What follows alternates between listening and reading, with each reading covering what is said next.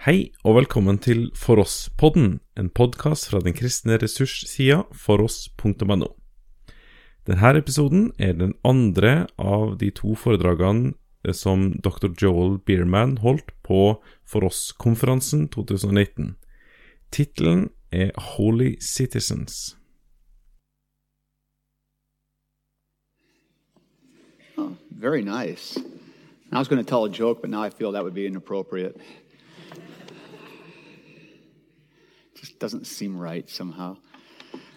All right, good. Well, I'll tell it anyway. I'll just change the tone entirely. So my, let's see if this comes back. I think it will. There we go. Now I got it right. Okay. You recognize my screensaver background? That's your country. Last year, when I was here in June, I um, when I left Saint, when I left the airport in Oslo, I looked out my window and this is what I saw. So I took a picture of it. Yeah, can you believe it? It looked so nice. It was beautiful. So anyway, that was, I shot that one. So okay, here's my here's my quick joke. And I told this at Fjellhaug the other day, so you, you guys don't ruin it. This is a culturally insensitive joke, and I'm going to say it anyway. So be prepared to be offended. You're all forewarned. If this is going to bother you, cover your ears. But I was joked about last night, and that's all fair. So, how do you tell the difference between a Norwegian introvert and a Norwegian extrovert? When you're on the elevator, the Norwegian introvert looks at his own shoes, but the Norwegian extrovert looks at your shoes.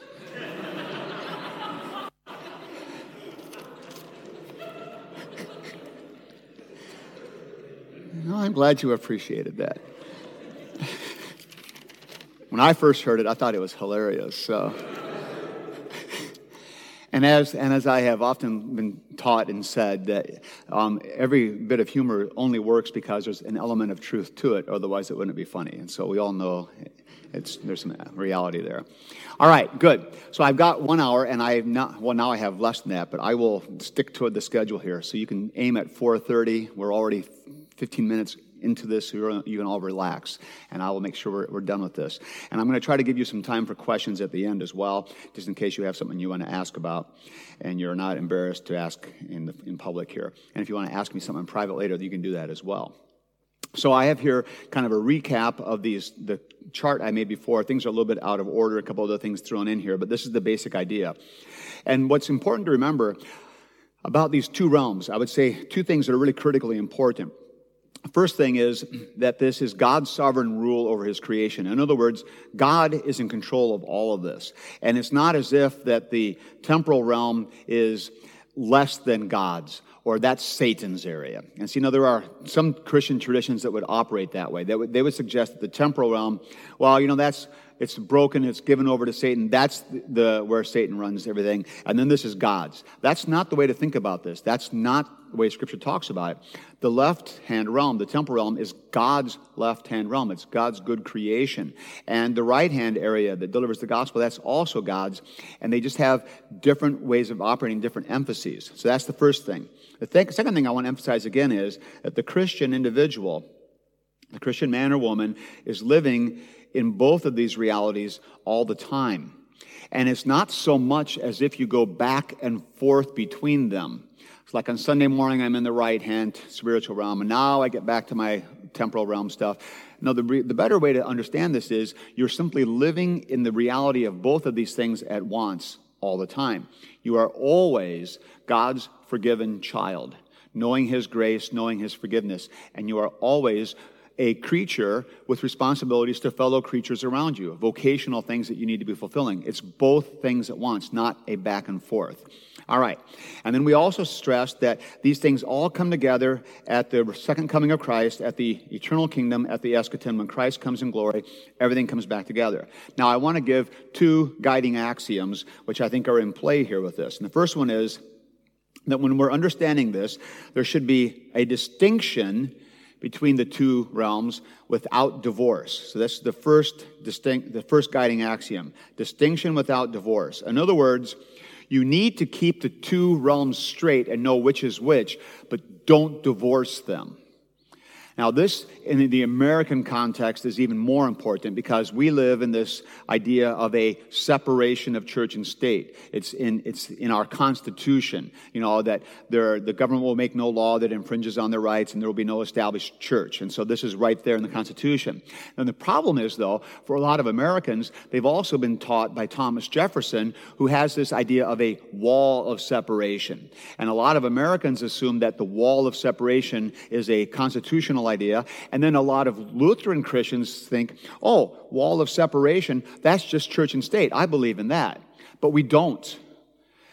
See, the problem with the wall of separation is it's dividing these two realms and pushing them apart and acting like they can't meet, which is exactly the way Jefferson wanted it because Thomas Jefferson was a pagan, basically. And he had no use for the church getting in the way of the state. He wanted the church there to teach morality, to keep everybody being faithful, moral people, but he didn't want anything from the church telling the world how to work and how the government to work. He wanted the church kept in this little churchly ghetto. So that's why Jefferson came up with this wall of separation. So really what there needs to be is a distinction, but don't divorce them. Then the second one is very similar, which is there should be between these two cooperation without confusion. So, can the church and the state, the left hand, the realms work together? And they, they can. There is to be cooperation between them, but don't confuse them. And so the mistakes that come, so that's how I'm gonna, I've got several things I want to cover here. The first thing I want to get at is how do we get the two realms wrong? And the first and most common, there, there's two ways of getting the is by confusing them. And this is where you start thinking that somehow we need to um, make a Christian world. And this, I, we hear this all the time in my country about the goal is a Christian America. And we have evangelicals who are praying for a Christian America and trying to elect the right people to get a Christian America and fighting for a Christian America. And I would respond by saying the goal is not a Christian America. The goal is a just America. So, in other words, the country, an ideal country, when it's working the way it's supposed to work, should be upholding God's law, should be upholding justice, should be teaching what's right, should be punishing evildoers, should be rewarding those who do well, and should be encouraging justice. That's what good government does. The government does not preach the gospel, the government doesn't make Christians. The church does that. And so there should be, there can be cooperation between them, but don't confuse them. And a lot of Christians in America confuse these. And so they think that it's the job of the country to make America Christians, or that the goal is to have a Christian president. And if we get a Christian president, we'll get a Christian country. And this is not the goal. And I know this gets really confusing because, you know, in our country, in America, and in you, your situation, you have a different uh, reality because you have a history, a long history of a state church, and, and the government and the culture and the people and the church are all kind of wound up together, and it causes its own confusions. And that's one of the very things that Luther was resisting, was the confusion, where people think that somehow I'm a German, therefore I'm a Christian, and it all kind of rolls together that's not helpful. And that's starting to be the confusion. But you have to be careful that in separating and keeping the distinction, you don't run away from things. Now, the reason I think there's a lot more nuance here than a lot of Lutherans realize is because of Luther's own actions. Luther was willing to take government assistance. That was never a problem. The problem is always when the government tries to tell the church how to do things. Now there's a problem. So, in other words, the church has to be obedient to God. And when the government starts telling you what to do in the church, and the government's overreaching and not just doing justice things, and the church says, no, we're not doing it that way. We're, we're, we're, we're independent of that. The other danger comes, and this is a danger that is probably more reality in your own context, and I would suggest you're probably still dealing with some of this, is when the church, because of its um, close association with the states, the government actually becomes dependent upon the government for its support. That's not good. And that's where you start getting something that some of the guys I read, um, like Stanley Hauerwas, have come up with this term Constantinianism, and to describe that they have this kind of unholy alliance between the church and the state, where the state is kind of doing the church's bidding and the church is doing the state's bidding, and the church is very dependent upon the state and likes getting that income, so much to the, to the point that the church really doesn't want to offend the state, or the church really can't survive without it. That's a big problem because the church has to be able to stand on its own without depending upon the state. And when the church does become dependent upon the state, you got to wonder if the church is really being faithful. And that's probably relevant for you guys to sort out. Have fun with that. All right. So we don't want to confuse these things, but we also don't want to divide them. And that's probably the bigger temptation in the American context is this kind of bifurcation. And that's also a problem because see, that leads to the problem of something that we sometimes would call, so confusing them leads to Constantinianism, which is a bad thing. Constantinian. It's a lot of letters in here. And you can't read them anyway, but there it is. Constantinianism. See, I can write neatly, it just takes a long time. There. Now you can read it. Isn't that better? You're welcome. All right. All right. So Constantinianism, that's one problem. The other problem is when we actually try to push them apart, and that leads to something known as quietism. And quietism is what we use to describe when the church just kind of stands back and lets the state do its thing. See, we can't, we can't be disobedient. We've just got to obey. And the state is put there by God, so just kind of let it do its thing and just, just, let, it, just let it be. That's quietism. And the exa- best example of that, as you're all quickly realizing, is, of course, Germany in the 30s and in the run up to the Third Reich and the tragedy of World War II and the Holocaust and all that mess that came with the Third Reich. The greatest tragedy from the standpoint of the church was the response of the Deutsche Christen, which just let it run. That's the tragedy. Because you had the, vast majority of Christians living in Germany who were saying, hey, we've just got to be obedient to the state. And besides, we're tired of being getting kicked around by everybody else in Europe. We're going to do our own thing. And they just kind of watched and nudged and winked and let it go and even supported it. And they shouldn't have been. There were some who were saying, oh, this is not good. And that became known as what we call the confessing church. And there were a lot of faithful men there, Niemöller and Sasse and Bonhoeffer, and there were others. And they were rather courageous in saying, nope, this isn't right. But the tragedy was a lot of the church just kind of went along with it. That's quietism. In the U.S., we have this problem still, where you have people in the church who are sometimes afraid that we might run afoul of the government. And in the U.S., we have this one perk that some of you maybe are aware of, maybe not, that the churches in the United States are given tax exempt status.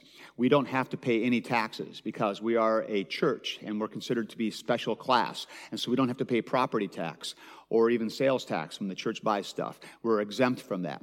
And a lot of churches have become dependent upon that.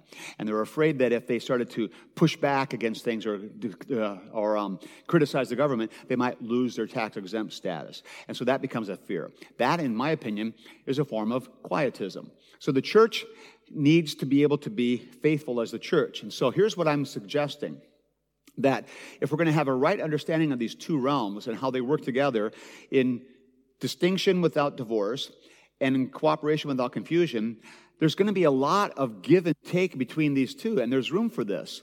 So, if the government is doing something wrong, like for example, maybe the government decides to go to war, and it's an unjust war, and it's just a war of acquisition, should the church just say, well, this is the government's job, it's not our business? Or should the church say, no, this is wrong? And I would argue the church should say, no, this is wrong. And perhaps maybe the government passes a law and says that abortion on demand is fine. We can do it whenever we want, no big deal. And the church says, wait a minute, this is a violation of God's teaching in the fifth commandment. This is a violation of don't kill. We can't support that. This is a wrong law. The law needs to be changed. Should the church do that? Should the church just stay silent? I would contend the church needs to speak. So the point is this the church has a responsibility to the world to speak to the world about doing justice. And that's what we say to the world. So there are times when the church does need to speak to the government or to the world around and say, what's going on is not just. And then you see, it's not a matter of that violates my opinion or it hurts my conscience or I'm offended by this. This is not the point. It's not the point of I'm a Christian and I've got this kind of sensitive conscience. No, this is a violation of basic morality. It's, it's wrong. Just go staticky. Oh, I got too close. I was feedbacking. My mistake. The Technic guy fixed me. So the, the, the problem is we, we become um, afraid to say those things sometimes, but we need to. And it's the church's obligation to do this. Surprisingly, and I don't have time to show you the proof, Luther made exactly this argument. And he argued that a faithful pastor, a faithful church, will actually challenge the prince when the prince is doing what's not just. And so, what does that look like today? That looks like the church telling the world, stop what you're doing, it's not right. Now, does the church run a risk doing that?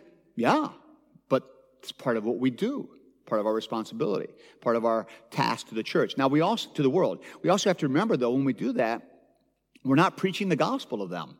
That's a different thing. We're dealing with a temporal realm issue of justice, not a spiritual realm issue of justification. And we need to kind of keep that straight. So that's one of the ways we can kind of get this wrong. So the one way is by confusing them and running them together. The other way is putting up this wall, and then we get to quietism where we just got to kind of put up with the government.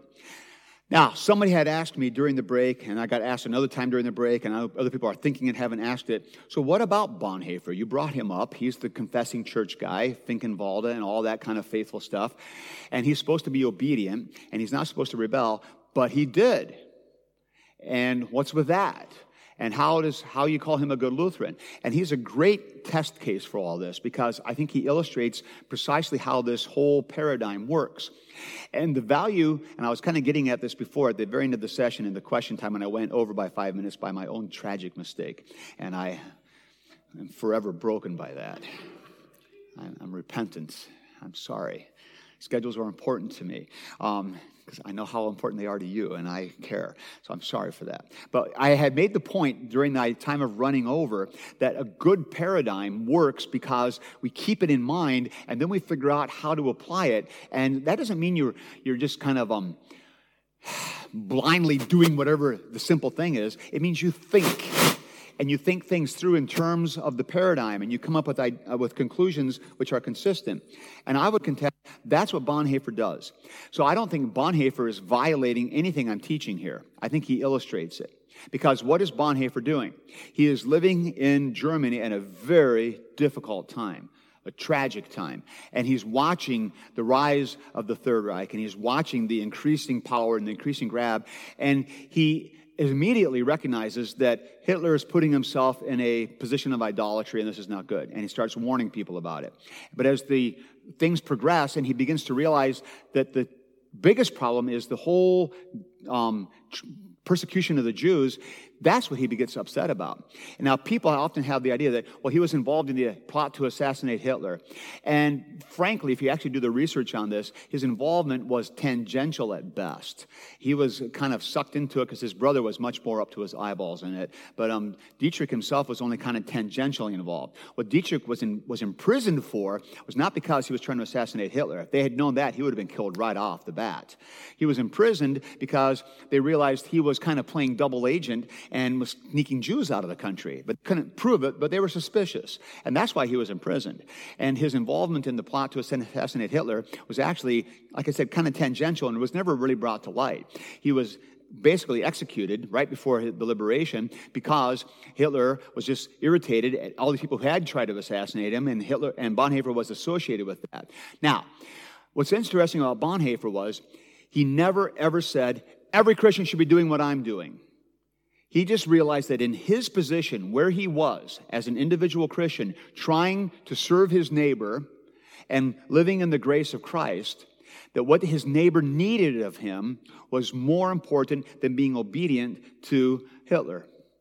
And that's why he disobeyed the Third Reich, because he needed to disobey them in order to love his neighbor. And by loving his neighbor means trying to save his Jewish neighbor or his Jewish convert Christian neighbor who's now being kicked out of the church because he's the Aryan clause and all these kinds of things. So Bonhoeffer was resisting what he knew was a wrong law, and we're all called to do that too. So this is where we get into what we call civil disobedience. And is civil disobedience a Lutheran principle? And it is, absolutely. In fact, if you are going to be faithful to what God calls you to do, there are times when you have to stand up and say, I will not obey this law because it's wrong. And the critical thing is this if a Lutheran decides he needs to be or she needs to be civilly disobedient, what is the person's reaction when they get punished for being civilly disobedient? They just say, okay. That's what happens. In other words, you don't say, this is unfair, it's unjust. Well, no, I violated the rules and I know what's going to happen. I'm going to get imprisoned or worse. So be it. I have to violate the rules. That's what civil disobedience means. You're being civilly disobedient. That's different that's different than going to war against your country or being part of a rebellion. That's ruled out.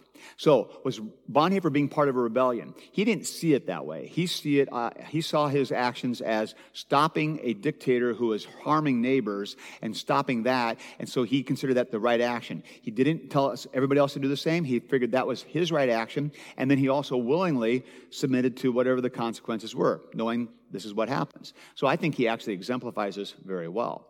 Now, if you're paying attention to this whole train of thought, you're thinking, so no, wait a minute. So you're saying rebellion's always ruled out. And I'm saying it is, and Luther said so. So that means the American Revolution was sinful. And I would say, yes, right. And I believe that, which maybe you're shocked at that. And I say this in American context, everybody goes, they gasp. Um, because, you know, when you're an American, you know, wave the flag in 1776, yay for the revolution. This is our glory moment. Um, I'm convinced that that was a wrong revolution. It was wrong. It was it was rebellious and it was sinful action. So if I had been living in 1776, I would have been supporting England. Long live the king. And so I'd be a really bad American. Um, that's okay. I'm, I'm, I'm kind of used to that. So that, I believe that's exactly being consistent with what Luther's teaching and what, how this begins to apply. So that's ways of getting this, this wrong. So the church's role then, I think, is really quite dynamic. Um, the church should be willing to tell the government when it's wrong. This is what Bonhoeffer was doing as a spokesman for the church. Don't do this. This is not right. And then you resist it as you need to, and you, you sort these things out. All right, so that's kind of the, the wider thing about the church as um, in its relationship to the state that way. I also want to think so more. Let's apply this a little bit more now to um, the individual Christian and where this plays out. Ah, I got so many great quotes here. I'll let that one ride. We'll go with, we'll skip that one. All right, so let's get this next thing I want to get at here, and that's going to be, um, let's see where I find that. The four mandates. Okay, good. So this is also from the, the pen of Bonhoeffer, and now he's thinking more about the individual Christians. So we're thinking about kind of the church's role. And one of the, the um, best essays that Bonhoeffer wrote, I think, is this little one called Christ, Reality, and Good. No, it's not that little, it's 25 pages or so. And it's often included in his book, Ethics. And in the American translation of Ethics, the older one, it's one of the middle chapters. But book Ethics from Bonhoeffer was actually written while he was imprisoned, and it kind of came out chapter at a time, and he never had a chance to edit it or put it together. And so after his death, people put it together and published it. So nobody's really sure exactly how he wanted it to go together, or even what should be in or what shouldn't be in. So it's a little bit kind of nebulous. But this chapter is one of the, his more central arg- arguments he makes in here, and it's a fantastic chapter on Lutheran ethics. But he ends it with a fascinating exploration of what he calls the four mandates. And we'll recognize these very quickly as being quite closely tied to what Luther would call the three estates. And this is probably quite familiar to many of you because the three estates is sort of a standard part of Lutheran teaching, and it was a big part of Luther did. And so the three estates for Luther were, of course, the home, and then the states or the governments, and then the church. And Luther was convinced that all of human life, life lived in this world, related to the creation around us, all of human life was lived in relationship to these three estates.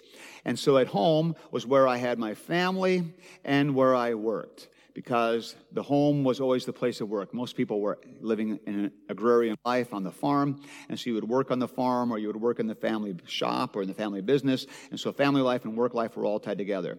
Then you had responsibilities to the state, whether that was serving in the military or more likely just paying your taxes. And in our context, we might say voting, okay? So you would do all those things. And then you had responsibilities also in the church. And this is not thinking so much here about church as the place that delivers the gospel, but as in your responsibilities in the church, like go to church, be there, and give an offering even though in Luther's day that was pretty minimal because you paid your taxes and the taxes supported that. Give an offering. And you also then are encouraging other Christians. And so you have responsibilities at church as a part of the church. So the three estates captured all of life. Bonhoeffer basically just takes the home and splits it into family and work. So his four mandates are home and labor or work, and then the state, and then the church. And he explores these very nicely and has a, has a nice um, kind of unpacking of this. And if I had time, we could read through the whole thing and you would all get bored and fall asleep on me again, so we won't do that. So I, am a slow learner, but I figured that out. So, what Bonhoeffer does in this fantastic exploration of the four mandates is he says that Essentially, the Christian life is lived out in each of these areas, and that in each of these areas, we are doing what God gives us to do. So just think about this for a minute, kind of think about your own life. So, you start at home. And at home, do I have responsibilities? Sure, I'm a child. Or maybe I'm a parent. Or maybe I'm a sibling. And so, in any one of those relationships, do I have responsibilities that I need to fulfill? Obviously. And the argument's very simple that when I am being a good child, a good parent, a good sibling, I am doing what God has given me to do, I'm serving my neighbor, and I'm honoring God and worshiping God in that work, in that estate, or in that mandate. And it's interesting that he calls them mandates because the mandate makes it very clear that these are required. These are things that I don't have an option on. It's not like I pick and choose. These are things that I do simply because I'm human. And every single one of us has obligations in every single one of these mandates. They just vary, they're different. Whether you're a child or a parent or a sibling, but at home you have things to do. Then in labor, at work, what's this look like? Well, that means be a good employer. If you have a business, run it fairly. If you're an employee, what do you do? You do a day's work. You work for the benefit of your employer. You try to make him succeed and prosper. And that's your goal to help to be a good employee. And if you're uh, in business, you don't cheat people. You don't try to, you know, get the way around it. You do what you need to do to do your work well and to be honest and fair in your dealings with your fellow employers or your customers or whatever. So in labor, you have work to do. In the state, this is where we get at our obligations to the to the wider world. So we think about our relationship to the government. So, how do I be a good citizen in the state? Well, I pay my taxes. And maybe you don't have much choice in that because it's just a VAT tax and it just gets slapped on you without you wanting to. In the U.S., we get to pay income tax, which means we have to figure out how much we owe the government and tell them and give them the, government the money, and which leads to lots of room for latitude. Um, and people are known to cheat on their taxes. But you should pay your taxes. And what else should you do as a good citizen uh, of the country? Well, you probably need to go vote. And this, I would argue, is an, as a responsibility. In a democratic republic of some sort or another, where you are kind of part of the government by voting, you actually have an obligation as a Christian to vote. And I would argue that. So I sometimes hear Christians say, you know, I don't want anything to do with the government. It's just corrupt. I'm not going to vote. Well, I would say you're shirking your responsibility. You have a responsibility to vote. And you might think it's like a waste of time, but it doesn't matter. You need to do it anyway. So you need to vote. And I'd say it's even more important. If you're living in a, some form of democracy, not only do you need to vote, you need to pay attention to what's going on. And you need to be aware of what's happening in the government and care about it. And so when there's legislation that's going on that's lousy, do you lobby people in government and you write to your representatives? You might. Or you phone call or you text them and you say, hey, on this piece of legislation, don't do this or you should do this. Now, what kind of things do you get worked up about? Well, you get concerned about injustice. You get concerned about laws that are not upholding God's will And those are the kinds of things you would be concerned about. And so you're part of that. That's all part of your obligation to the state. And you also have an obligation to obey the laws. So things like traffic laws, like keeping your car's license plates up to date and driving the speed limit and just obeying all those kinds of laws. That's all part of it, being a good citizen. And then we get the church. Now, for Bonhoeffer, the church is kind of interesting because here he doesn't talk so much about the obligations you have in the church, the way Luther might have. Instead, he talks about how the church really is in a kind of a separate category because the church helps you think about all of these things the right way and helps hold them all together. So, in other words, what he's suggesting is that the church teaches us. So this is getting at what we were, the question at the end of the last session, which is really great. So not only does it give the gospel, but it also teaches us how to do all of these things. So it teaches me how to live in my responsibilities in the home and how to be a good citizen and how to fulfill my labor well. The church holds all this stuff together. And now here's the cool part. So the church is teaching all this when I fail in some area, which is inevitable. And even if you're an ideal citizen and a great employer, I'm guarantee you, you'll never be the perfect parent or the perfect spouse. And you might even be good at parenting, but you will never be the perfect spouse. Well, uh, you'll never be the perfect husband. The perfect wife is feasible. Perfect husband is not feasible. It is impossible. Because what does Christ say you have to do? You're supposed to love your wife like Christ loved the church. Good luck, guys. You'll never do it. Never, never, never, never. You can kill yourself trying, and you probably will, but you'll never do it because it's impossible to love like that. But you try. And so when you fail, as you inevitably will fail, when you fail in one of the mandates, what then? Well, then you come to the church and you receive gospel. And it's always there waiting. See, this is the beauty of how this all holds together. So when I crash and burn and I utterly fail, what do I hear? I hear God saying, grace, forgiveness. It's okay. Still my child. And this sets up what is, I would argue, the ideal, perfect understanding of the dynamic of the Christian life. And the church is always helping us live this out. We think about our role in the world as a human creature. I'm grounded in the world. I'm part of the world. I have responsibilities in the world. And so I sat out into the world to do those things. And so I get up in the morning I think, what, is, what has God given me to do today? Okay, I've got responsibilities as husband and father and as professor and as grandfather. I'm going to be the best at those I can be today. I'm going to just be a great husband to my wife today. I'm going to really lecture well. I'm going to get those papers graded and get back to my students right on schedule. And I've got all these things I want to do. And then I, so I strive to do those things the best I can today. Am I doing those things to earn God's favor? No. Am I doing those things so that God will bless me? No. Am I doing those things because God loves me so much? If I think about it, probably but I'm also thinking about what my neighbor needs me to do, and I'm just doing it the best I can. So I strive that day to do the best I can. I work hard at it all day. And I get to the end of the day and I reflect on how it went, and I realize it wasn't quite as good as I had hoped. And I fell short in so many areas. And the longer I think about it and the more honest I am, the more I realize, yeah, I really messed up a lot. And so at that point, do you despair and give up? No. Actually, at that point, you remember, I'm God's forgiven child and he still loves me. And even though I blew it as a father and didn't quite measure up as a husband and didn't do as good a job of teaching as I was hoping I was going to do, and even though I fell short, I'm still God's forgiven child. And that's pretty cool. And you get to go to sleep with a smile on your face and start all over again the new day the next day. That's how the Christian life works. And so you see, you never have to go to bed thinking, oh, I didn't measure up. Oh, woe is me. Oh, how am I going to do better tomorrow? You see, you don't have to live in that kind of angst and despair. That's not Christian. But neither do you think, oh, it's so cool. I just get to go to heaven someday. Who cares what I do? No, you've got things to do. You so you zero in and you focus. I got stuff to do today because God's given me things to do in this world. And yet, even as I do them, I'm secure, absolutely at peace with who I am.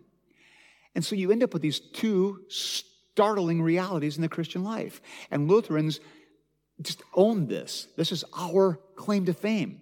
So you Lutherans are always feeling guilty. Yep, we are. Because we always know we fall short. We know that God expects things of us. We don't get it right, and we feel our sin and we recognize our failure and we admit it. And guilt is, is part of the reality. Yep, it's there. And you always try to you always try to make us feel guilty in church. Yeah, oh yeah, I'm good for that. I'm all over that. I want you to feel guilty. You bet. When I preach the law, what do I want you to feel? Bad. Of course. And I want you to learn, but I want you, I want you to realize, holy smokes, I don't do that. Right. Good. So is guilt part of it? Yes. And frankly, I've heard people say we shouldn't feel guilty. That's nonsense. If you're a sinner, you feel guilty. Are you a sinner? Now, I am. Do you feel guilty? Yeah, good. Now, what does that guilt make you do? Repent. That's the whole point. And so once you repent, then what do you get to hear? Grace, forgiveness, Whew. total, complete forgiveness. You mean forgiveness for that sin I committed 13 times in the last 13 days? Yes. Again, and if you come back tomorrow and ask for forgiveness, guess what? You get it. Oh, it's crazy. Yes, it is. Crazy grace. Crazy, crazy grace. And so then you get to say, wow, it's so awesome. I just live in grace. I'm as free and as happy as a lark. I feel no burden. It's just awesome being a Christian. You say, you Lutherans, you're so licentious. You never care about anything. You act like you're just off, you know, just live careless and free. Yep, that's right. And it's both. It's real guilt and it's real complete freedom. That's the Christian life, and that's what the church delivers. So we get serious about teaching people. This is what God expects. This is what He wants you to do. And we preach the law with, with and the law is grounded in home and and states and labor our responsibilities in all those areas. And we tell people that. And then we also tell them, and you are God's forgiven child, and your forgiveness in Christ is not dependent on your performance and never will be. And how awesome is it to be freed from that burden, that responsibility, and yet be right smack in the middle of it? And you say, how can it be both? Of course it can be both, because I simply live in these two realities all the time, and I know it. And it's just the, the core of the Christian life. And that's what's going on here when we start to get clarity in why I live like it matters, because God has told me it matters. And why I live like I'm completely free and off the hook, because I am. It's always both at once. It's kind of a powerful, really cool reality. All right, I've got just a couple more minutes, and then I'm going to have some Q&A time. So I want to make just two more quick points. Or, yeah, two more quick points. So that, well, I'll just do it with one point, but I'll, I'll use one thing and make two points. We'll do it that way.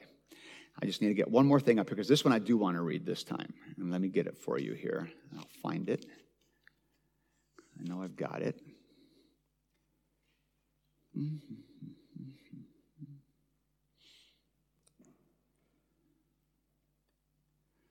All right. So in 1520, Luther wrote the little treatise called The Freedom of the Christian. And it, he has that famous two sentences in there. I talked about this the other day um, that the Christian is a perfectly free Lord of all, subject to none. And a Christian is a perfectly dutiful servant of all, subject to all. Now, what's going on here? Well, where are you a perfectly free Lord of all? That's true in my relationship to God in the spiritual reality. And I'm a perfectly dutiful servant of all. Where's that true? That's true in the world and in the material temporal realm. So I have things to do and things I need to carry out. So when it comes to this, I'm always falling short and I feel guilt. When it comes to this, I get gospel and I get forgiveness. So both things going at once. Now, the cool thing about this essay is at the very end when Luther wraps all this up. And he's got this marvelous little paragraph, which is kind of capturing the essence of Christianity right here. We conclude, therefore, that a Christian lives not in himself, but in Christ and in his neighbor. Otherwise, he's not a Christian. He lives in Christ through faith, in his neighbor through love. By faith, he's caught up beyond himself into God. That's where the gospel's going on. By love, he descends beneath himself into his neighbor. And that's where the law is going on, doing what I need to do. That's where the slave part comes in. This is where the free part comes in. Yet he always remains in God and in his love, as Christ says in John 1. Truly, truly, I say to you, you will see heaven opened and the angels of God ascending and descending upon the Son of Man. You say, what's that verse got to do with it? I'm not sure, but he thought it was cool. And so, heaven being opened and the angels of God, you're seeing heaven itself and you're living in that reality. But this is so powerful because, see, the Christian lives not in himself, but he lives always outside of himself. He's living above himself, receiving what God gives, and he's living below himself, serving his neighbor, but never about himself. So, what that means, and this is my second big point, is you don't care about you. And the way to put this in a really fantastically shocking, offensive way is to say, you don't have any rights. Americans hate that language, just hate it. Because Americans love rights. We're all about rights, and we just keep on adding more all the time, more and more and more and more. I have a right to a McDonald's coffee not to burn me. I have a right to marry whoever I want. I have a right to free health care. I have a right, right, right, right, right, right. And they just keep on getting more and more and more. And I'm here to say, no, you don't. You don't have any rights. You don't even have a right to your stinking life because you're a creature and you're dependent. And anything you have is purely gift from God. You can't claim any of it. It's gift. And that's exactly what Luther's saying here. You don't go running around demanding your stupid rights. You don't go running around insisting on what outside of yourself. You live outside of yourself. It's not about me, it's about what God has given to me, it's about what I give to others. That's the core of the Christian life. And that's what drives us as we live our lives going forward. And that's kind of what I think really captures very nicely this whole idea of what Luther's getting at here of living outside of myself, receiving what God gives, and for the sake of the neighbor. And that really captures, I think, quite nicely the essence of the two realms. And that's where I want to stop. And now you have nine minutes for Q&A. So fire away. Yes. Du har nå hørt det andre av de to foredragene dr. Joel Bierman holdt på For oss-konferansen i 2019. Finn flere ressurser, og vær gjerne med å støtte oss på foross.no.